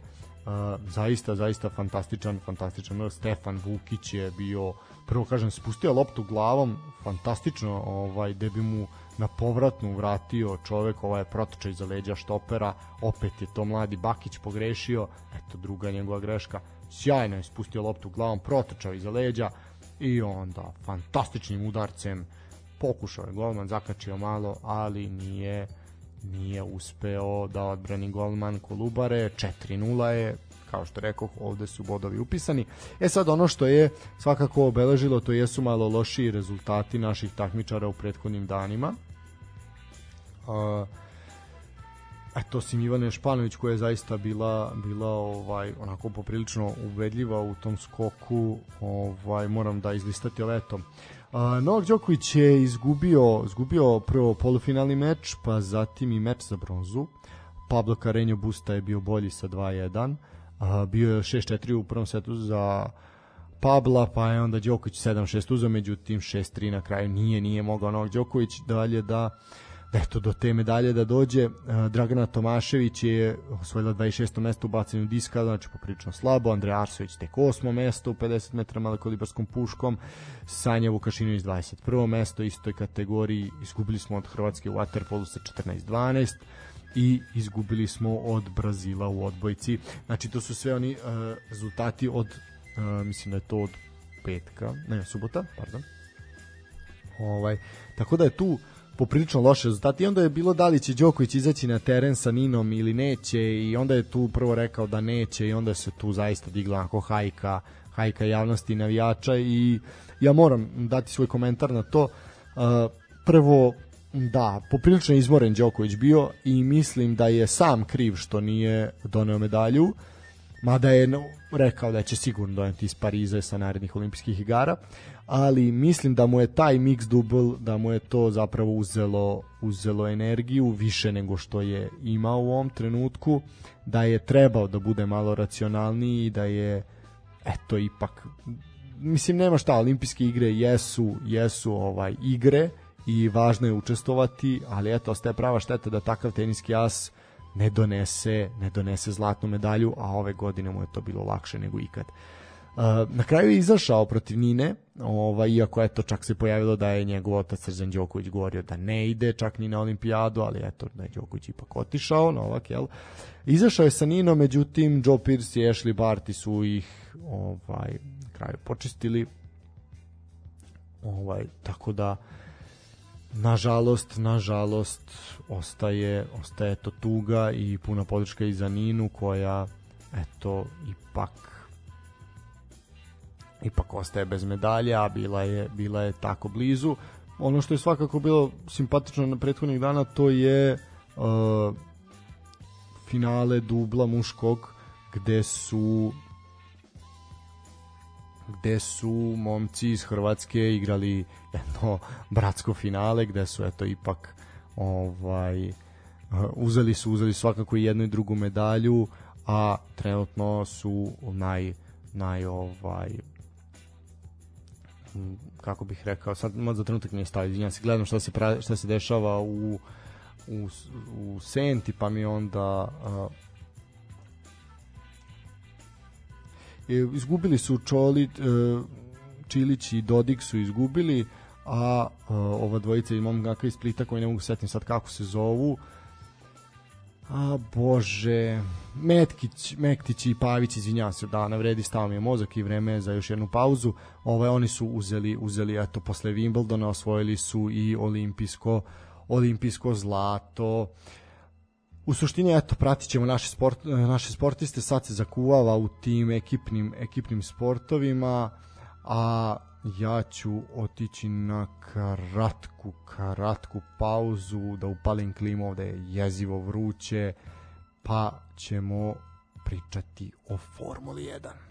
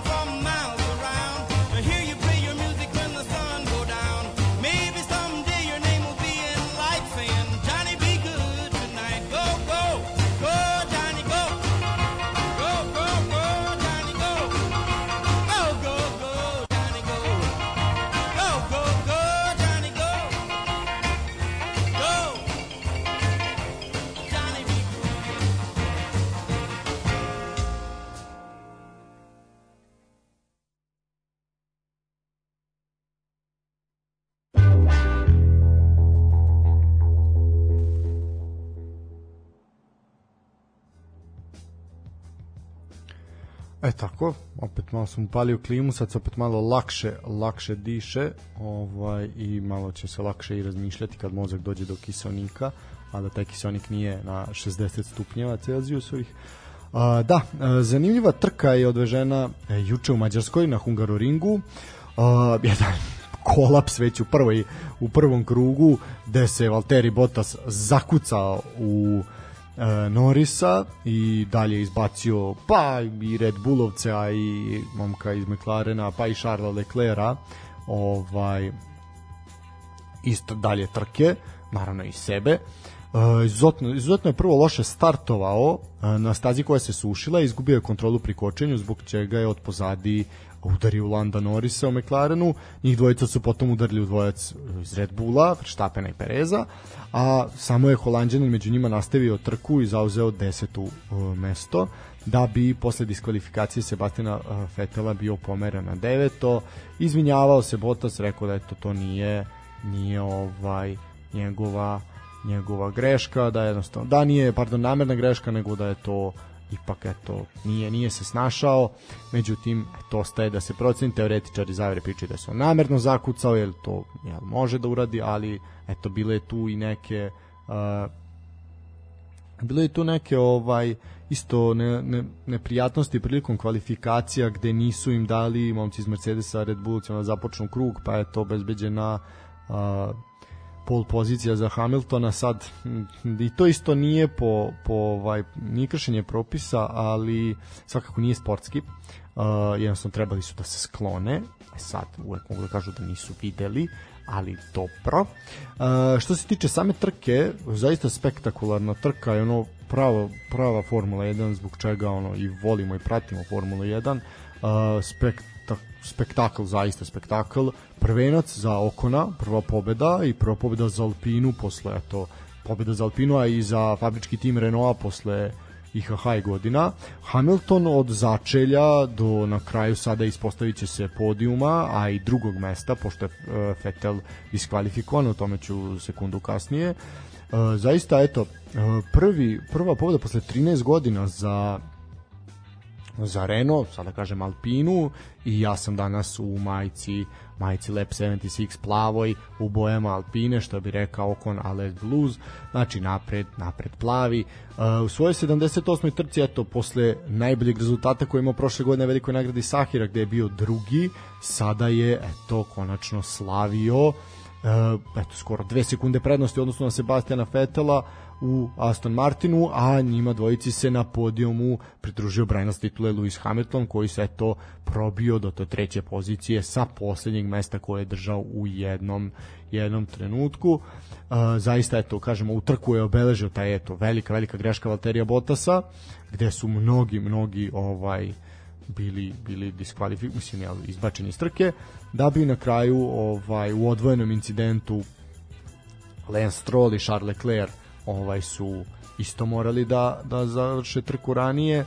Uh, Hamilton je sigurno vodio ispred uh, Okona i Fetela kada je na startu izašlo na gajen stazu izašlo bezbednostno vozilo, ali zbog velikog broja na krhotini na stazi istaknuta crvena zastavica, posle prekida koja je trajao pola sata, svi, odluči, svi vozači su se odlučili za pneumatike za promenljive uslove, ali su u krugu za zagrevanje svi osim Luisa Hamiltona otišli u boks, zamenili na srednje, srednje tvrde gume, a Lewis Hamilton je ostao jedini na startu, ali e, jednostavno ostao je na guma za promenljivo vreme i zbog te greške morao je u boks po pneumatike za suvo, što je dovelo do njegovog pada u poredku i bio je poslednji u jednom momentu.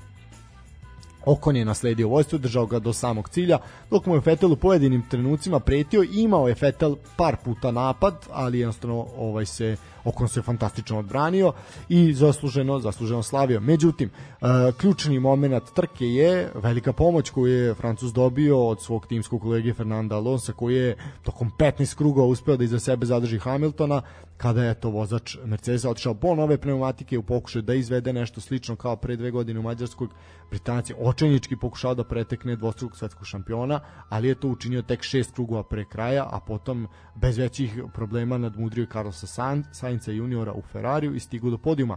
Ključan svakako, ključan, ključan uh, u pobedi Alpine i Okona je i eto ta vožnja Fernanda Alonso koji je zaista timski odradio posao i sačuvao Okona od naleta naleta Hamiltona jel da videli smo koliko je lako savladao Sainca znači na, pretpostavljam da bi isto tako lako savladao i Fetela pa i Okona znači eto svakako podjednako podjednako važan važnu ulogu ovoj pobedi je i pored dobrih odluka tima i sjajne vožne Okona imao i Fernando Alonso. Na kraju krajeva ovo i jeste jeste timski sport. Sainz je na kraju bio četvrti ispred Alonso i Pierre Gasly u bolidu Alfa Taurija, koji je samo finišao svoj bod za najbrži krug i tako ga preuteo od Hamiltona. Njegov timski kolega Yuki Tsunoda zauzeo je sedmo mesto ispred dvojca Williamsa, Nikola Latifija, Georgea Russella, koji su u svom timu doneli prve bodove ove sezone i to odmah duple bodove. Mora se napomenuti da je Latifi jedno duže vreme držao treće mesto posle restarta, ali jednostavno nije mogao tu da izdrži. Osvajače bodova kompletirao je Verstappen, koji je u incidentu u prvom krugu zaista oštetio svoj bolid iako se mučio tokom cele trke preticanje Daniela Ricardo McLarenu stigo je do 10. pozicije. Hamilton je propustio prvu šansu da stigne do 100. pobjede u karijeri pred odlazak na letnju pauzu. Znači sad ćemo malo odmoriti od formule.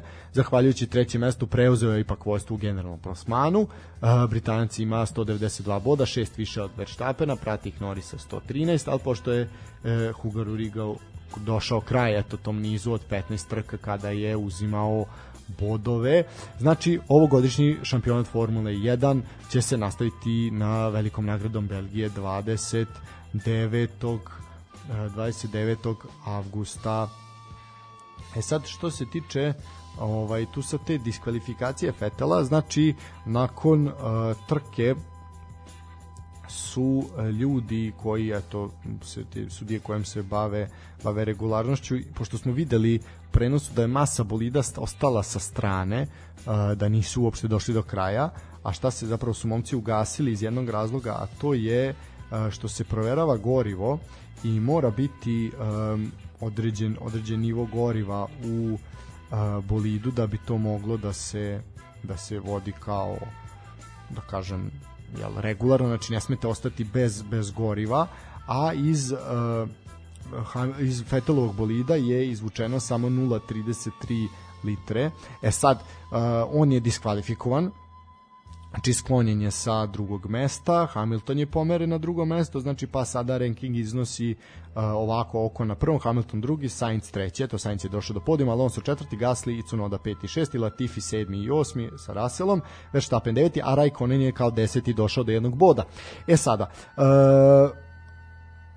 Aston Martin je uložio žalbu i rekao da ima litra i 44 u bolidu, ali eto iz tog dela gde su oni izvukli je bilo samo 0.33, to sad ostaje dalje, znači u ovoj pauzi će se tu rešavati da li će im se oduzeti bodove ili se neće oduzeti bodove. Ono što je bitno za poredak na tabeli je da će Hamilton imati 195 bodova, a Verstappen 187 znači to je to pre tu letnju pauzu a i mi ćemo i mi ćemo ići ovaj e sad ovde da stigla mi jedna poruka da a, kažu da Novak i Nina nisu izašli na teren. Ja sam da, ja sam isto video da neće izaći, onda se negde pojavila vest da su ipak izašli. E sad ćemo i to proveriti, da, nisam, nisam ovaj bio siguran u to. Hmm, sad ćemo to proveriti. Da, ipak su ipak su predali meč, eto ja se ja se izvinjavam. Bilo je bilo je ta priča da će ipak možda izaći na teren, ali ne, oni jesu hmm, da. Eto, moja moja mala greška, ali dobro, meni se kažem, čili pojavila se bila vest u jednom momentu da će ipak ipak ovaj ipak izaći na teren, znači nisu nisu odigrali svoj meč.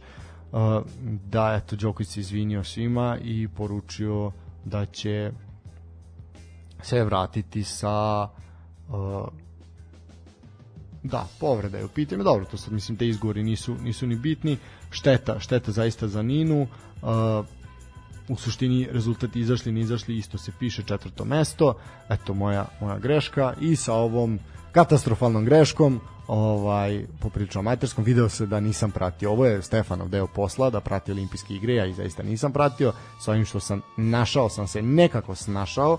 Ovaj ispratiću još malo uh, duel u Senti, to ono što zaista mene više zanima, olimpijski igre baš i ne zanimaju, da budem iskren, sad će me svi živi napasti, ali kad Toza može da kaže da evropsko prvenstvo nije bitno takmičenje, iz da olimpijada ove godine zaista nije bitno takmičenje, jer se igra pred praznim tribinama, jer je komplikovano do bola, jer su svi živi otkazali, znači to nije to. Uh, 91. minut je u Senti, uh, TSC vodi sa 4-0, zaista, zaista ovaj ubedljiva, ubedljiva pobeda. Uh, ne, da, ne, mislim da će se ovo privesti kraju 3 minuta, 3 minuta nadoknad ima, dok se to privodi kraju, ja ću samo reći, znači da nas zapratite na Facebooku, Twitteru, Instagramu, sportski pozdrav. Počeo je novi mesec, avgust je mesec, znam da ste na godišnjim odmorima, možete nas slušati i preko YouTube-a ako vam je tako lakše. Sad nema roaminga pa nećete puno interneta potrošiti i neće vam račun biti veliki, a eto ako imate neki dinar da je nešto preostalo od girosa ili već od ležaljki u Crnoj Gori ako ste sačuvali koji euro možete nam uh, platiti na Paypal, Patreon i na dinarski račun za informacije o dinarskom računu javite se u inbox a ove ostale podatke imate ispod svakog YouTube videa sa našom emisijom. Uh, uskoro ćete dobiti novi video čeka nas i neki upitnik svašta nešto vam pripremamo a do narednog slušanja sportski pozdrav